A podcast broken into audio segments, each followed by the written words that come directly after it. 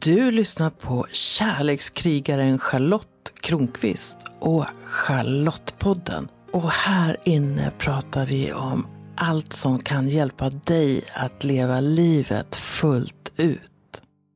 Vad är det att hålla space? Vad betyder det uttrycket egentligen? Jag brukar tala om att jag håller space om jag leder en kurs eller en festival eller en workshop. Och på något sätt så handlar det om att inkludera alla som är där i samma energi, att ha lite koll på dem. Och så uppstår någonting mystiskt, magiskt. Och just det började Amanda Mungsgård och jag tala om under en paus på Stockholms tantrafestival hösten 2022. Vad är det egentligen att hålla space? Och vad händer i den som håller space? Och vad kan hända i gruppen? Och det här samtalet kändes så i ögonblicket så fantastiskt. Vi kom så nära varandra så jag frågade Amanda, Åh, kan inte vi göra en podd där vi talar om att hålla space?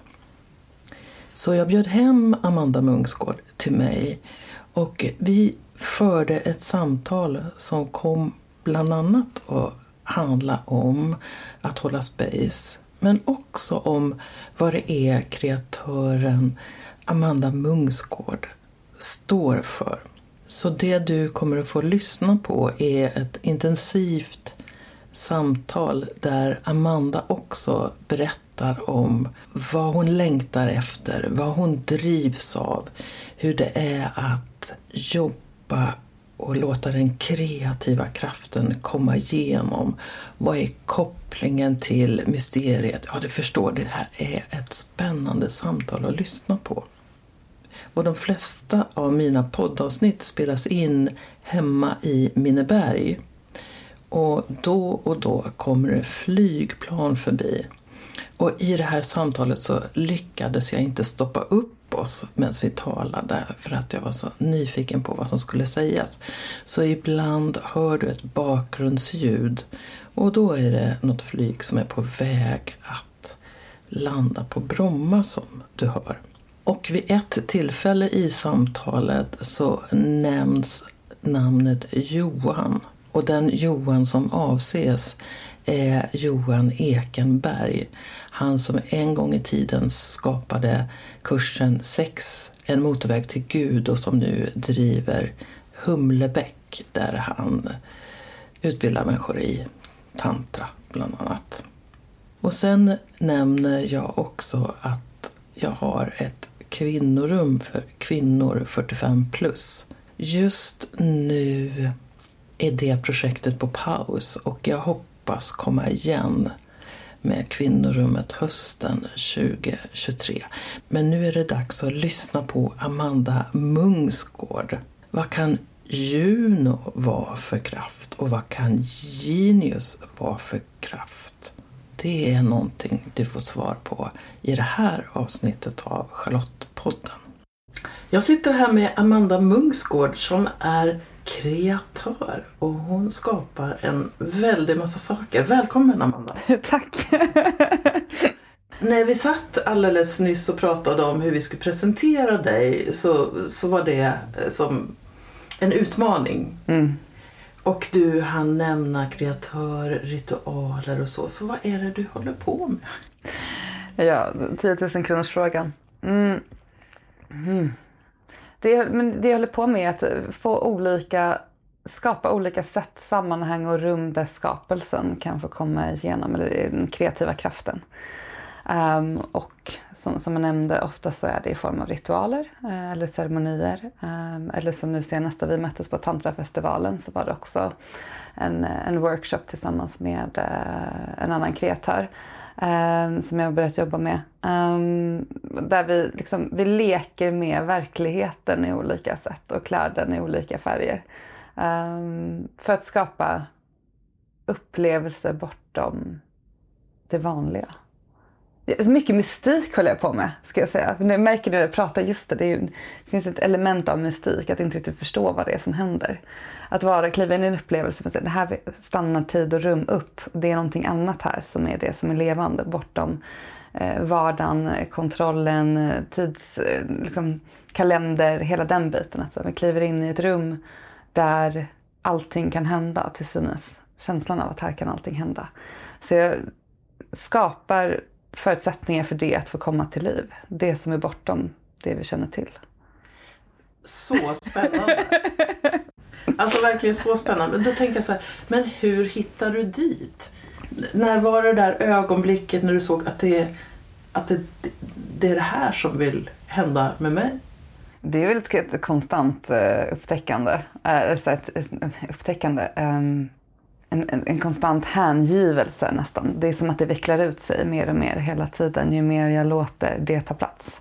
Men rent konkret för sex år sedan, så, snart sju år sedan, så kom jag in i Burning Man-communityt. Och där var det väl en sån slags kreativ explosion av det som tidigare hade varit. Jag har alltid jobbat med events, alltid skapat upplevelser, alltid skapat miljöer. Ehm, gillar att jobba med mycket begränsningar där man behöver vara kreativ för att hitta olika lösningar. Eh, men det, det, det fick sig som en raketskjuts i Burning Man-communityt. Och där så blev det, det blev ganska tydligt efter några år att jag höll ansvar på stor nivå först och eh, hjälpte till med så här, så psykisk välmående, emotionell support och liknande. Men insåg att jag vill fokusera på någonting annat snarare mysteriet. Det, liksom, det lockade in mig mer och mer. Och har någonstans varit att det kommer kreativa idéer till mig eller impulser som känns att det här är det som behöver hända här till synes från ingenstans. Men eh, så som jag konceptualiserar det eller navigerar i det så är det, jag vet inte om du talas om eh, den romerska konceptet för idé. I romarriket brukar man säga att alla har en liten Juno sittandes inuti sig, en liten ande för kvinna eller geni, eller genius för män. Att det är en liten inneboende ande som är ansvarig för alla våra idéer. Så det är väl ganska liksom, beprövat koncept i romarriket. Och det är därifrån ordet geni kommer i vår vardag. Så det är nästan som att jag ser det också, att jag har en liten kreativ ande i mig som kommer med de här idéerna. Det är inte jag som kommer med dem, det är någonting större. Eller jag ser det, man kan säga att det är mindre i mig, men jag ser det som att det är större hela. Har du läst Big Magic med Elizabeth Gilbert? Nej, men jag har sett på hennes TED-talk, ah, Creative Genius, exakt. säkert fem gånger. Exakt. Och det är, det, är, det är liksom därifrån resonemanget kommer. Ja, och då kan jag bara säga att för mig att lyssna på det eh, var en aha. Mm. Och hon pratar där också om hur många konstnärer bränner ut sig för de tror att de måste ta allt från ja. sig själva. Ja. Och, och jag kände att jag började slappna av mer mm. efter att ha lyssnat på det. För att ibland så kan man faktiskt be om det också. Mm. Eller så, för mig kommer det ofta av sig själv. Till exempel jag står i duschen eller mm. någon sån där poff så kommer någonting. Om det är någon som lyssnar som inte vet vad Burning Man är, skulle du väldigt kort kunna beskriva det konceptet? Alltså, bästa sättet kan säga är googla. Men det jag kan säga är att det är en rörelse som ämnar att utforska mm, filosofi, medvetande, konst, kreativitet och framförallt ha sin centrala samlingsplats ute i Nevadaöknen i USA. Samlar upp emot 70 000 människor varje år där man bygger upp ett slags utopiskt samhälle som mm, har sin botten i tio principer varav ett bland annat är eh, gifting economy. Så det förekommer inga pengar på platsen vilket gör att man kan brygga världar på ett helt annat sätt än vad som är möjligt i vår vardag när det inte uppstår en separation utifrån pengar. Pengar är inte en begränsning för vad som är möjligt och därmed så blir det, det blir väldigt snabbt just den här upplevelsen av att man inte är i det vardagliga för att man tar bort saker som är en, defini- eller en förutsättning i vardagen, det vill säga pengar, den typen av transaktion. En av de grejer som jag har fastnat på, på den här listan det är att man inte ska lämna några spår efter mm. sig. Mm. Att man kommer dit och skapar en värld och sen mm. Ehm, så det är också att man hjälper till och ska, alltså man är medskapare till. Det ordet har blivit ganska trendigt numera upplever med co-creation. det är problematiskt på många sätt och vis, men det är en annan podd kanske, ett annat spår egentligen. Vilket egentligen bara är det som vi höll på med många hund, hundratals år tänkte jag säga, men länge här i Sverige eh, med föreningsliv. Mm. Att eh, vi, vi gör saker, vi samorganiserar, vi skapar saker tillsammans utan att det, pengar är det egentliga intresset för det vi gör. Utan vår passion, vår glädje, vår hobby, vår kreativa impuls eller vad det nu än är. Att vi samlas och skapar utifrån ett större syfte. Grundidén som jag har förstått det som, vart den kommer ifrån, är också för att bana väg för kreativiteten. Det vill säga att ingenting av det du skapar är beståndigt. Ingenting av det du gör är permanent, vilket också tar bort inte tar bort men parerar mycket för olika saker som perfektionism eller annat eller saker som kan stoppa en i att det här måste bli bra för att det här kommer sen vara ute i världen eller så här, det här kommer bli beskådat. Och att för mig, för att dra tillbaka till den här tråden, varför det har varit viktigt är för att där någonstans så slutade jag bry mig lite eller ha min egen mitt eget ego i vad är det jag skapar för någonting, skapar någonting och sen så upphör det för det kommer aldrig hända igen ändå så då spelar det inte så stor roll. Det bjuder in väldigt mycket experiment. Och när jag i alla fall är, befinner mig i det experimentella rummet så händer väldigt mycket saker och den skapande kraften, kreativiteten, Juno-anden, vad man än vill kalla det, den får mycket större tillåtelse att komma igenom. Och då blir det helt plötsligt som att jag observerar vad som händer genom mig snarare än att det är jag som skapar någonting. Det skapar sig självt. Det är som att livet, evolutionen händer i realtid. Och jag får kolla på. Um, och där är väl egentligen det som jag är mest passionerad över, varför jag skapar de här olika typerna av rummen. Uh, för att se vad är det som händer. Men någonstans behöver du ju en impuls till mm. att en ritual eller en ceremoni eller någonting, att, att det ska skapas. Mm. Så hur, hur sker det rent konkret för dig? För mig så det handlar det inte om... Vad jag kan nästan bli utbränd är för att jag har för mycket idéer. Jag brukar nästan säga att jag har idédiarré ibland. um, Utmaningen ligger i att sortera. Vad är det som faktiskt vill komma igenom? Um, vad är det som faktiskt är rimligt att genomföra och innovera egentligen är att ta ner någonting från idéstadiet ner till fysisk verklighet. Så för mig så är det svårast att sortera ut vad det är som ska ske för någonting. För det, det är liksom som att det står konstant en hel hord av idéer och knacka på. Men ja, så här du. Och vad är det som får, får dig att säga den där, dig ska jag ta tag i just nu? Resonans. Som, som när vi pratade och vi landade att vi skulle göra det här så var det någonting som är att det blev nästan som att jag ser det som två så tändstift när man gör eld liksom, så behöver det ofta två komponenter. Om det är ett pinne, ett snöre eller två tändstål. Någonting som det kan slå gnistor om. Och när det finns någonting annat som jag märker att här finns det en resonans också. Det är inte bara jag som har en idé i mitt huvud utan det finns en, det är någonting som krokar in i någon annan. Det finns en resonans där märker jag att okay, men här kan vi börja bygga någonting vidare på.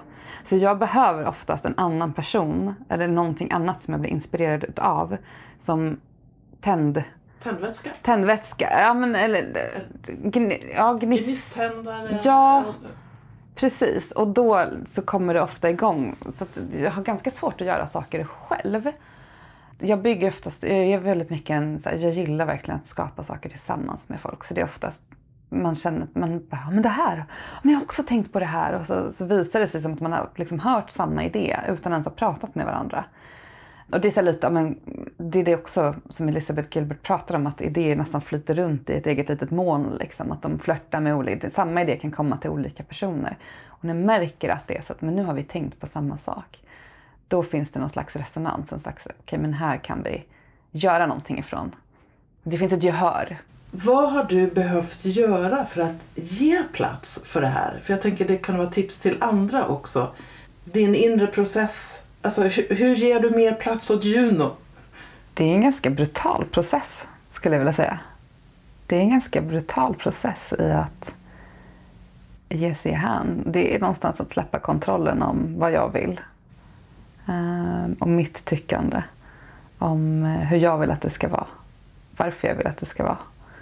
Eh, och att göra sig som en kanal snarare för någonting att komma igenom utan att ha så mycket åsikter om vad det är. Och rent konkret vad det har varit för mig har varit väldigt mycket nervsystemsreglering i att så här, kan jag tillåta mig själv att släppa kontrollen här?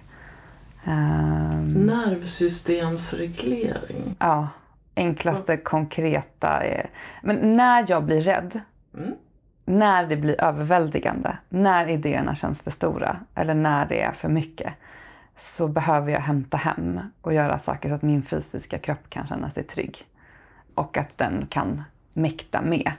För det är nästan som när den här idékraften eller den kreativa strömmen kommer igenom. Den är så övermäktig. Det var min första event i Burning Man-communityt var Ehm, um, det hette Urban Burn, och var 2016. Och då var jag bara deltagare där och var med liksom och så här, var lite nervös. Och sen två år senare så stod jag själv, hade projektlett hela grejen, hade öppningsceremonin och liksom höll 700 personer.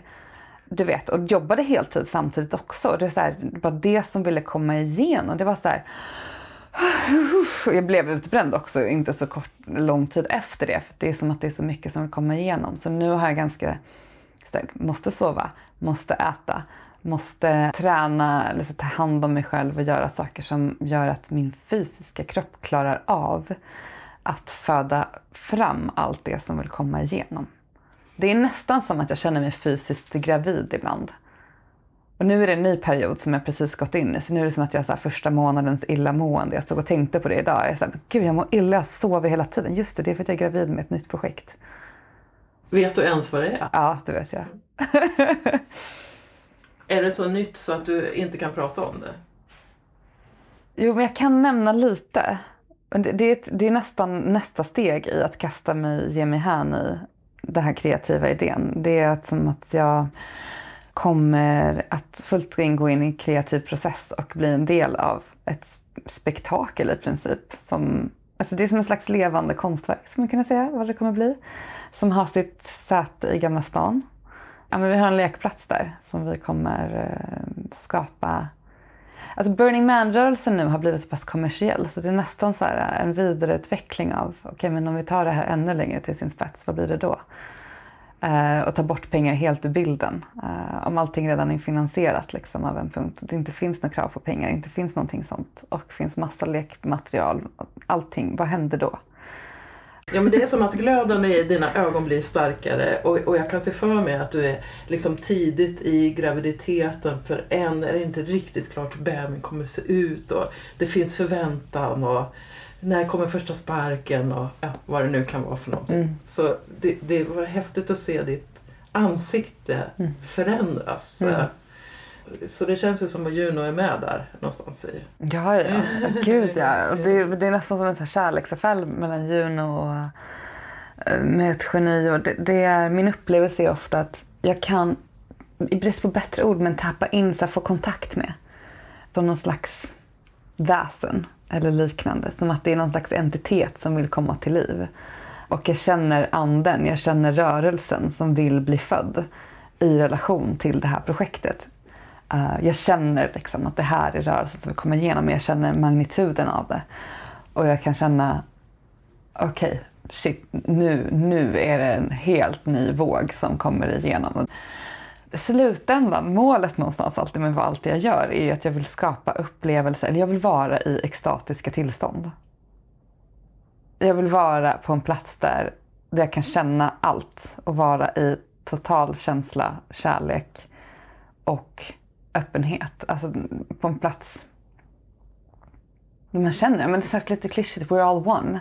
Men att man ser, det är lite som det här, pratar om fotbollsmatcher eller vad det är, du vet att nu är vi en del av ett kollektivt medvetande.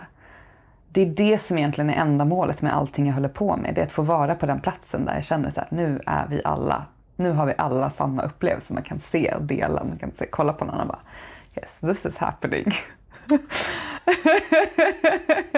det är som att jag, för, att jag förflyttas liksom in i, i en värld. Just nu när du sa, sa det här så, så såg jag framför mig som världens största fotbollsplan och så är det stor brasa uh. i mitten och, och så är det som att alla tar eld eller liksom mm. uppfylls utav den där brasan. Som, mm. Och att, att alla som är där är en förutsättning för att det ska brinna. Mm, exakt, exakt så. Exakt så. Det blir lite annorlunda, för vi pratade innan om att, så här, men att du använder metaforen av att vara i en bassäng och så att simma runt i bassängen. Och liksom det. Så för mig så är det mycket transformation, mycket eld. Jag är, det, det är liksom naturligt för mig med att skapa rum, skapa platser uh, för just den typen av upplevelse. Um... Ja, jag sitter så här i huvudet och tänker så här, hur ser min kreativa process ut? Hur är jag i, i jämförelse eh, med dig? Och jag är en mer ensam skapare. Uh. Men det är som att jag får impulser från någonting som är större än jag, som jag gissar är från det kollektivt omedvetna eller vad vi uh. kallar det för. Och så är jag rätt bra på att ta ner det. Uh. Men ofta så börjar jag att göra någonting innan jag vet hur det ska gå. Alltså jag börjar producera saker innan jag vet hur det ska lösas. Så, uh. så när jag får någon ny insikt om någonting så kan jag lägga in det i en kurs eller ja, men jag, gör en, jag gör någonting utav det här utan att jag äger äger det i mening kan det till punkt och pricka utan äh, jag testar lite grann. Mm. Och väldigt ofta funkar det. Mm.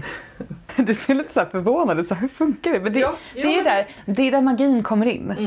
Och det är ju det. Det är precis det här som är så härligt med att vara kreatör eller vara i kontakt med skapelsen. Det är så här, för att livet blir magiskt. Ja, mitt, mitt liv blir bara mer och mer magiskt hela ja. tiden. Ja. Och jag tror att det handlar, en aspekt av det är att uppfatta det. Mm. Jag tror att egentligen är, kan många ha magiska liv, det är bara att de är lite avstängda mm. från det eller tror inte att det finns och då eh, kan man resonera bort det. Mm. När vi var där på Stockholm tantrafestival så kom vi i ett samtal som handlar om eh, det här begreppet som, som är vanligt i de kretsarna nämligen att hålla space. Mm. Och, och då berättade jag om när jag höll en festival och så kändes det som att jag hade fötterna på jorden, mm. fick stöd av Moder Jord och sen kände jag som att jag fick en kraft uppifrån också så jag fick stöd och energi från det som är större av oss och så, än oss. Och sen så kändes det som att jag var ett batteri mm. däremellan som kunde det var som att egentligen är min kropp för liten för att få liksom 300 människor att funka. Mm. Eller hur man nu vill kalla det. Och sen när festivalen tog slut så bara föll jag ihop. Mm. Det var som att nu har det tömt ut mm. allting. Mm. Vad är det att hålla space för dig? Du har liknande upplevelser, typ. Ja, och det var väl här vi sa det att vi båda mm. två har en upplevelse av att vi vet hur det känns men det är väldigt svårt att sätta ord på exakt vad, vad det är. Just. Och det är lite det som jag har varit inne på redan. I, det är fint att du säger att det är som att min kropp var för liten för att kunna ta igenom den energin. Det är som att nästan, när du säger batteri, det är som att strömmen som går in är liksom för hög. Det är som mm, från något så här praktiskt, med de här vattenkokaren och eh, någon annan elgrej igång samtidigt så går säkringen för att det blir för hög spänning. Och det är nästan det jag upplever att på den mest konkretiska, eller konkretiska, konkreta nivån så är det att när det kommer till en viss punkt så blir det för hög spänning för systemet att hantera. Mm. När det blir för mycket energi så blir det för hög spänning för systemet att hantera. Och den är ju osynlig den energin. För det vi också nämnde där var att men vad händer sen då efteråt när man till synes inte har gjort någonting? Och som kvinna med hög, som lever i det här samhället ska vi säga, har alltid en ganska hård press på mig själv. Men jag har inte gjort någonting, varför är jag så trött? Och det sker ofta i sådana här festivalsammanhang för att man har då så kallat hållt space. Och vad innebär det nu egentligen? För jag tror att det är olika utifrån ett aktivt hållande av ett space där man skapar en plats, man skapar ett rum, man skapar liksom strukturen, logistiken, hela den biten. Men sen är det det finns ett, ett väldigt fint uttryck som, som, som, som det sitter liksom på väggen på, på Björnbacka där, där jag jobbar. Så står den här, så, om du ger en kvinna ett hus så gör hon det till ett hem. Och det, det behöver inte nödvändigtvis vara en kvinna såklart inte. Men eftersom jag är kvinna så pratar jag utifrån det perspektivet att vad är det då, what makes a home? Vad är det då som gör ett hem? Och det är hela tiden omsorgen av alla små detaljer. Och det här är otroligt komplext egentligen skulle jag vilja säga. Men det är att när jag håller plats eller håller en ceremoni eller liknande, för att vi ska kunna komma in i det extatiska tillståndet så behöver jag känna varenda liten känsla som pågår i alla människor i hela, alltså hela rummet. Så jag sätter Amanda på hyllan, blir en slags kollektiv upplevelse. Jag blir canvasen av hela rummet. Det är det jag känner i min kropp, i mitt nervsystem. Hela jag blir det. Och att varenda välkomnar varenda känsla som finns, varenda svårighet som finns, varenda, allting som kommer upp. Och ingenting går mig förbi, ingenting slinker förbi vad som händer i det här rummet. Och det kräver en exceptionell uppmärksamhet och fokus och närvaro som också är väldigt förkroppsligad. Som också är förkroppsligad. Precis. Det är väl egentligen någonstans att vara men trädet är en vacker analogi. När du sa det så, så fick jag, du höll upp händerna och jag fick energi ovanifrån och sen så var det nerifrån. Jag hade moder jord.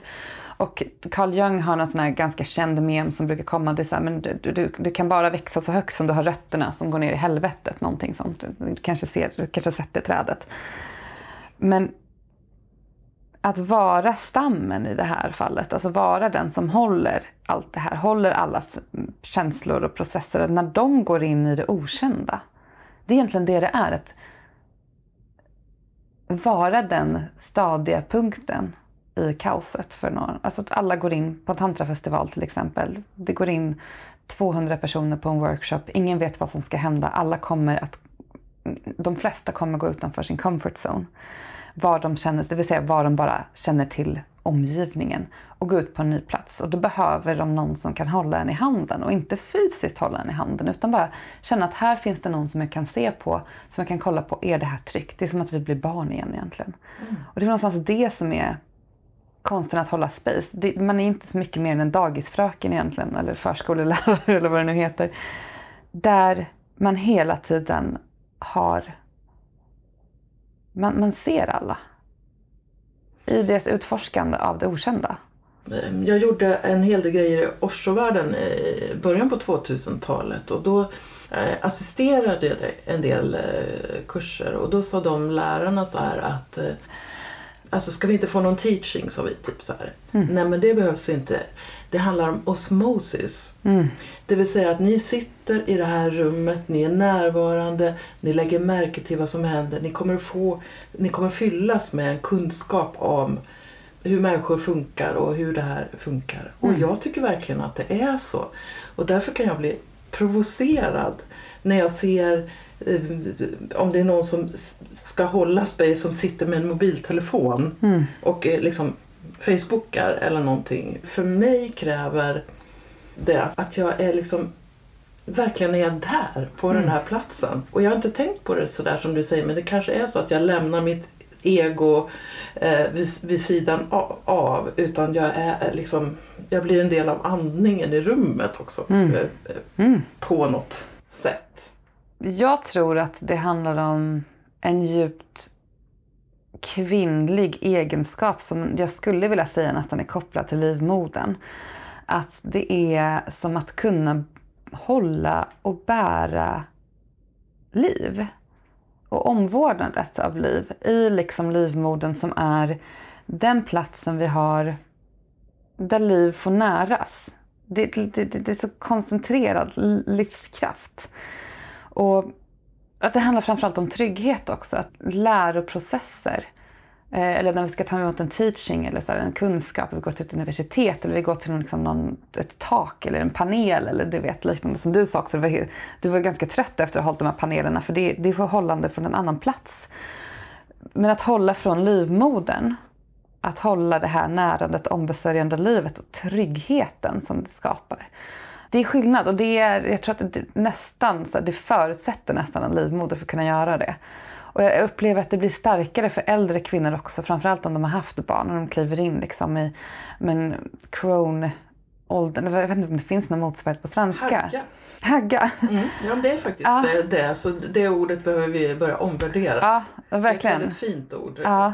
Eh, egentligen. Och den, alltså vi har sån brist på den i samhället och det är någonting jag vill verkligen den behövs så mycket. Det här eh, som ser allt. Alltså på helgkurser som jag har, då brukar gruppen säga efter någon timme så här, vi känner oss så trygga här. Mm. Och det är precis det som jag vill skapa. Jag vill att de som är där ska känna som att jag kan vara mig själv i det här spacet. Jag får ha vilka känslor jag vill, jag får tycka vad jag vill. Jag får känna, ja och så. Mm. Jag har alltid ett program och sen bara så här, vad behöver gruppen nu? Ja, det är inte det som står i programmet. Det är Mm. någonting annat. Så att det är som att Ja, det är som att vara på, på i två positioner samtidigt. Dels så behöver jag ju vara i ledarskap. Mm. Men sen vill jag också att vara följsam med vad som behövs. Det är också ett slags ledarskap, för du leder ju en energi, tänker jag. Så, eller jag ser det inte som... Nu pratar folk om det maskulina ledarskapet, det feminina ledarskapet. Och det, är liksom, det, det blir mer komplext än vad det behöver vara, tycker jag ofta. Men det är fint att du säger det centrala i tryggheten, för det vi behöver allt mer nu i en värld som bara blir mer och mer kaos. Och det kommer inte bli som att det finns mer saker att hålla i. Tvärtom, det kommer bara fortsätta luckras upp. Eh, så är det att, att få platser där vi kan gå in och känna en känsla av trygghet.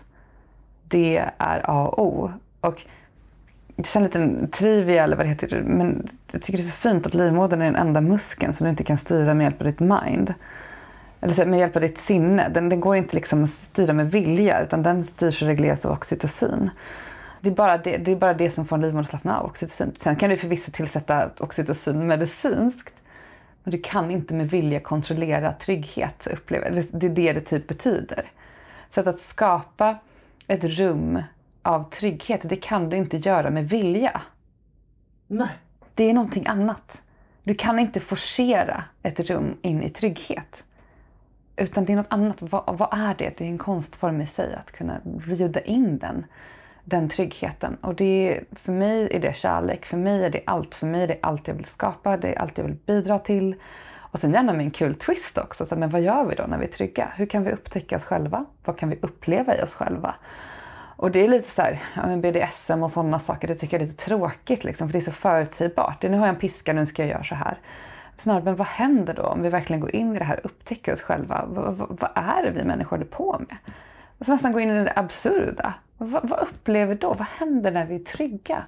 Trygga och vara nakna inför varandra emotionellt och visar oss själva. Och där ligger nästan min kink om man ska prata det språket, så det är det jag går igång på. Det är det allt jag vill stå för att skapa och göra. Till varje pris. Liksom. Så jag nästan utplånar mig själv ibland. Det är så spännande. För jag, jag tänker så här att någonting som jag har lett kurser sedan slutet på 90-talet. Och en av mina första böcker heter Börja tala och den är skriven utifrån blåbärets perspektiv. Jag är livrädd för att ta- tala inför grupp, vad ska jag göra med det? Det perspektivet är det i boken. Så jag brukar liksom börja med att visa mig sårbar inför gruppen. Mm. Och för mig är det viktigt att jag sitter som en del, i, alltså att jag sitter i en cirkel, att jag inte eh, placerar mig högre. Mm. Ja, jag tycker om att sitta, markera att jag är en del utav helheten. Men också kunna nämna saker jag själv är eller har varit rädd för eller något sånt. För att, för att visa, jag är felbar, jag har rädslor etc. etc. Och bara det kan skapa lite avslappning i gruppen. Så är det ju inte så att jag vill liksom ta utrymme eller liksom det finns en del som, som tar väldigt mycket plats. Mm. Så, så, så, ibland känns det som, är den här gruppen till för den här ledaren eller till för gruppen? Mm. Lite mer som markörer visa att jag är också människa. Liksom. Mm. Och, och jag har bör- börjat med att, att vara rädd och nu är jag här. På ett sätt kan man säga att det är en metod men jag planerar ju aldrig att nu ska jag säga någonting som visar att jag är sårbar eller att jag är rädd eller så utan det kommer av sig själv. Mm. Ja men det upplever jag också att någonstans som, som de and, andra poddarna jag spelat in. Jag spelade in en med Alexander Holmberg för två år sedan, tror jag det var, eller ett och ett halvt år sedan. Där vi kom på, till en plats liksom, som blev så sårbar att det var så här, men nu sitter jag här i mitt liksom, sexåriga barn och gråter och är liksom helt jag har nog knappt visat mig själv så här för mig själv tidigare och sitter mitt i en podd och så händer det här i en podd. Varför händer det? Jo, men för att jag nästan är som att det finns en del av mig som bara men visar dig sårbar. Speciellt eftersom jag har en väldigt kraftfull person. Jag tar plats. Jag står verkligen så här, i min power. Och det är som att det behövs balanseras av att visa min extrema sårbarhet för människor ibland också. Att så här, jag är inte mer än en Ibland brukar jag kalla mig själv som en croissant. Liksom, som bara, du tar i så börjar det smula överallt. Liksom. Det är så här, that's how fragile I am. Stundtals också. Uh, så det finns absolut en, en poäng i det. Ja, gör det. Sen så är det, det är lite komplext också. Så för just nu så saknar vi också tydliga, tydliga auktoriteter. Mogna auktoriteter i samhället. Så vi har liksom ingen egentligen som föregår med gott exempel. För att de som har tidigare varit auktoriteter ska gå in och försöka lära sig nu trygghet utifrån den platsen och de som är trygghet ska gå in och lära sig vara auktoriteter. Vi är just nu i någon slags potpurri kaos av ledarskap som är förvirrat. Ja, och då har jag ju lagt märke till att du också intresserar dig för feminint mm. Eh, ledarskap. Mm. Och jag har hört många sagt de senaste 12-15 åren att eh, kvinnors ledarskap verkligen behövs eller det feminina ledarskapet eh, behövs. Och en del säger ja de äldre kvinnorna är viktiga i den här processen och det är mm. som en parentes antagligen därför som jag gör nu program för kvinnor i min ålder. Mm. För att... Vad bra! Ja.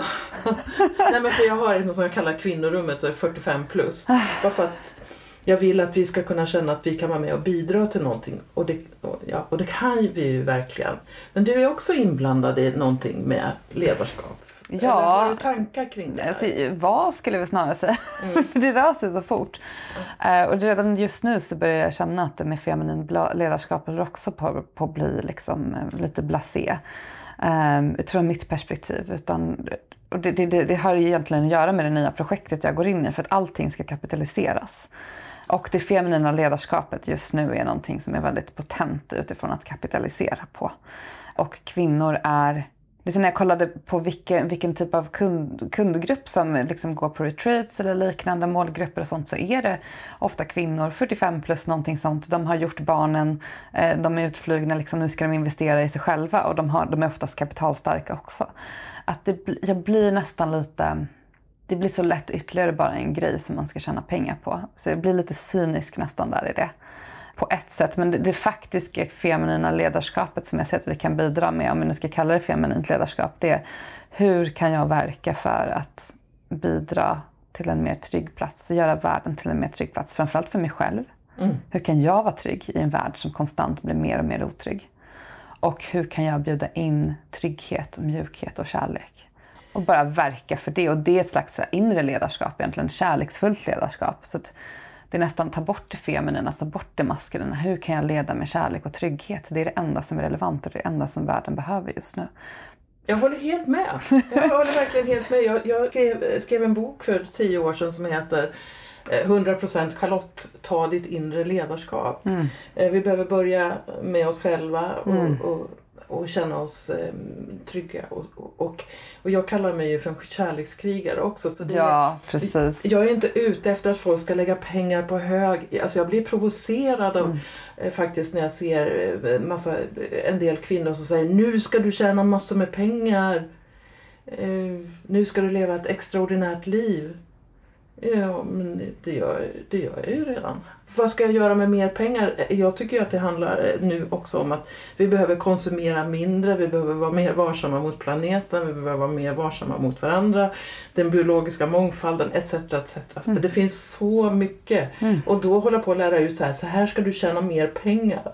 Nej, men det blir så fåfängt på något sätt och det blir så maskulin struktur egentligen. Maskulint menar jag bara, så det blir en samhällsstruktur. Och det, det är intressantare för mig att ligga någonstans här, vad händer om jag slappnar av och liksom lägger mig under? Det är nästan som att jag kan se att den här strukturen svävar lite ovanför jordens yta. Vad händer om jag lägger mig här under? Och så bara, vad är det som är njutning? Vad är det som är kärlek? Vad är det som är faktiskt? Jag sa det till en vän här om sistens att det var ett tillfälle när jag stod ute på, på Burning Man på en art car, en sån här konstbil, liksom, drack champagne och var mitt i en sandstorm. Jag var så här, det finns ingen plats på hela den här jorden där det händer mer än just exakt den här platsen jag står på. Och jag vill ändå ha mer och är ändå uttråkad. Det var som att så totalt liksom bara shit, this is how, this is how deep it goes. Liksom så här hedonismen Bara, Gud, det, det, var så svart på vitt. Det var verkligen som en så här, rakt i ansiktet på mig. Bara, jag kommer alltid vilja ha mer.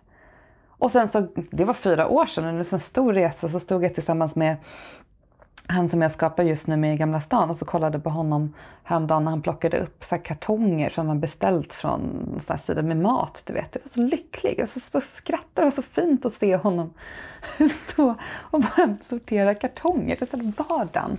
Någonstans att så här, just det, det är här det är. Och det finns så mycket som vill få oss att tro att det är någon annanstans. Det är där det är, kärleken är det. Och när du frågade mig, men vad ska du presentera dig som? Så var jag så här, men egentligen så vill jag säga kärlekskrigare, men åh, det låter så klyschigt. Så det är så fint att du säger det nu, för om det är någonting jag är så är det ju det. Men alltså inte krig, men jag står för kärleksgivare liksom nästan. Alltså en kärlekskrigare. En soldat är en som lyder order. Mm. En krigare är en som står för någonting, som värderar någonting. Jag värderar kärleken, jag står upp för kärleken. Det finns energi, kraft i det. Så jag ser det som en, liksom en sån... Och nu gör, jag, nu gör jag rörelser som att det är väldigt maskulint mm. men jag menar att det inte är det. Jag, jag krigar inte utan jag står för någonting ah. viktigt och när jag gör det så ger jag Exakt. ju också. Så att eh, det finns en del som blir provocerade av, av av den där bilden, av, eller som ser någonting annat när, när jag säger kärlekskrigare. Men att se skillnaden mellan soldat och krigare tycker jag är en så viktig... Otroligt vackert, otroligt vackert. Och nu när du säger det så känner jag så att här i finns det nu, nu är vi där, precis som vi pratade om elden, nu känner jag att det lever, det bubblar i rummet. Liksom. Så här, nu, nu, nu laddar vi hem ny visdom från, från det kollektiva molnet och det är en sån härlig känsla. Men jag ser nästan som så här Achilles då framför mig. Uh, och att så just det, men det handlar ju om att stå för någonting. Och är det någonting, alltså kärleken, det är det det står för. Kärlek, kärlek, kärlek, kärlek, kärlek. Och oj vad mycket jobb jag har att göra i det. Oj vad mycket krig det liksom är som behöver stås för kärleken. Ja. Men det är där någonstans också, på tal om den nya tidens spacehållande eller hålla space egentligen. Men hålla, hålla plats, hålla liksom plats för kärleken att få komma igenom. Mm.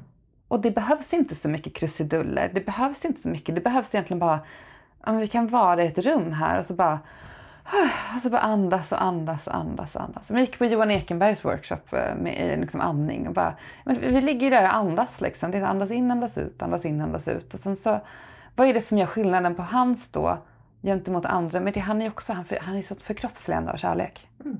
Alltså den frekvensen, det gudomliga vad man nu vill kalla det. Bara, men vi ligger där och andas tillsammans och får andas ut och bara känna just det, vi får vara i ett rum tillsammans i kärlek.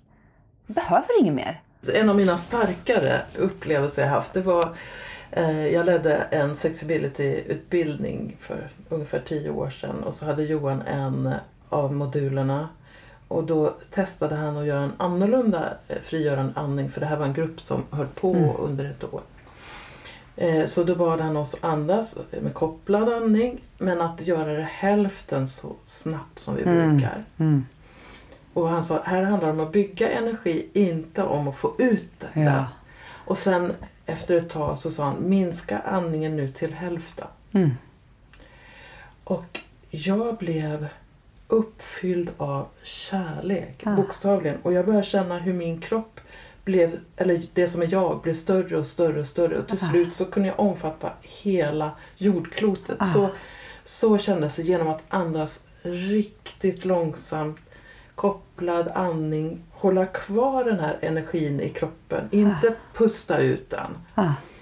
Och det var nästan så här, åh, jag vill vara kvar här. Alltså det var hypnotiskt, eller jag vet inte vad som är rätt ord. Jag är så uppfylld av varande. Mm. Det var, och, och, ja, på något sätt urkärlek. Mm, exakt så. Nu när, du säger, nu när du säger det här så vill jag stryka allting jag tidigare sagt om livmoder och allt. För det finns väl en relevans i det också. Men det jag ser framför mig egentligen men hur kan man utöka liksom hjärtats frekvens och få andra människor att vara i det egentligen. Att omsluta människor mm, på en festival eller liknande.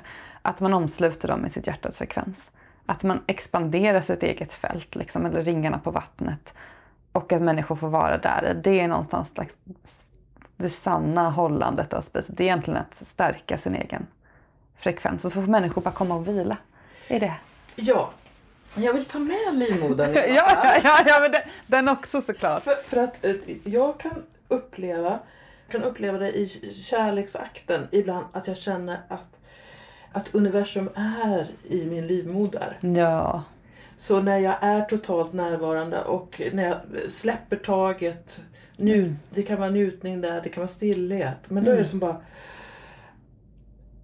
Ja, Mm. universum finns där. Alltså det, det är sånt här som är så svårt att ta på. Men det är en förnimmelse som känns väldigt verklig. Så jag är som mm, i två världar samtidigt någonstans. Och jag tänker att livmodern är universum på riktigt. Det är ju i den som nya varelser kommer. Det är där. Big Bang händer. Mm.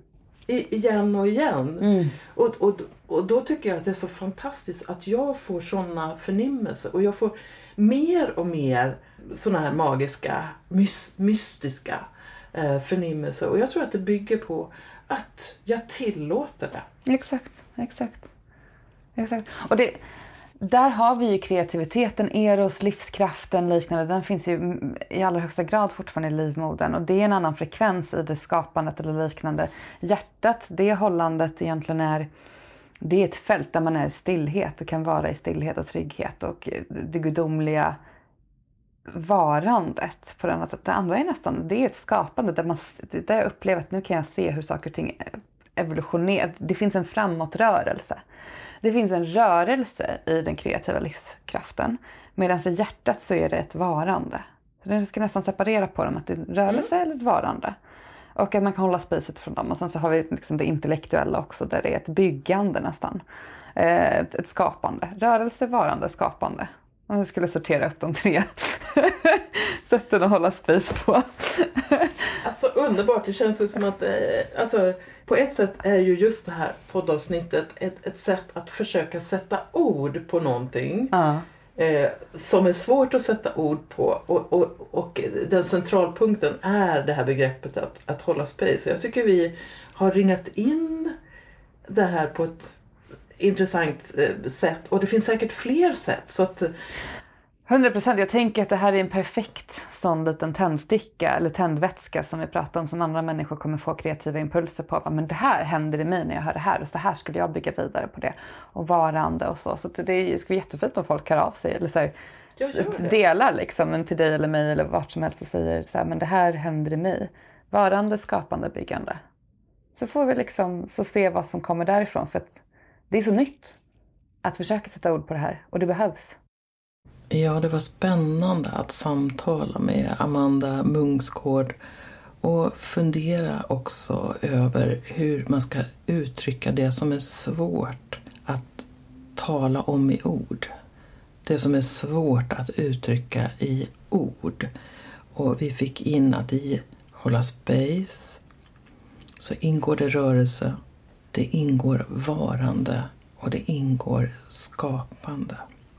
Och det är lättare att hålla space när vi känner oss trygga. Så vad händer i dig när du är trygg? Jag fortsätter ju med min lekfulla tantra och jag har en glad nyhet. Helgen den 6 till 8 oktober i år så kommer jag ordna lekfull tantra retreat på Björnbacka som ligger strax söder om Stockholm. Och det är redan människor som har anmält sig till det. Och eh, det är en fördjupningskurs med övernattning och helpension på det här fantastiska stället. Och är du nyfiken på det, hör av dig till mig. Kom ihåg att prenumerera på Charlottepodden så att du är med när nya avsnitt kommer. För vem vet vad du kan få lära dig om livet i det avsnittet. Rekommendera gärna podden till en vän så är du med och sprider vetskap om att den här podden finns och berätta vad den ger just dig. Jag skulle bli så glad om du också går in i din podcast-app och lämnar en kommentar eller skriver en recension av podden. Ju fler som gillar podden öppet, desto fler kommer också att hitta den.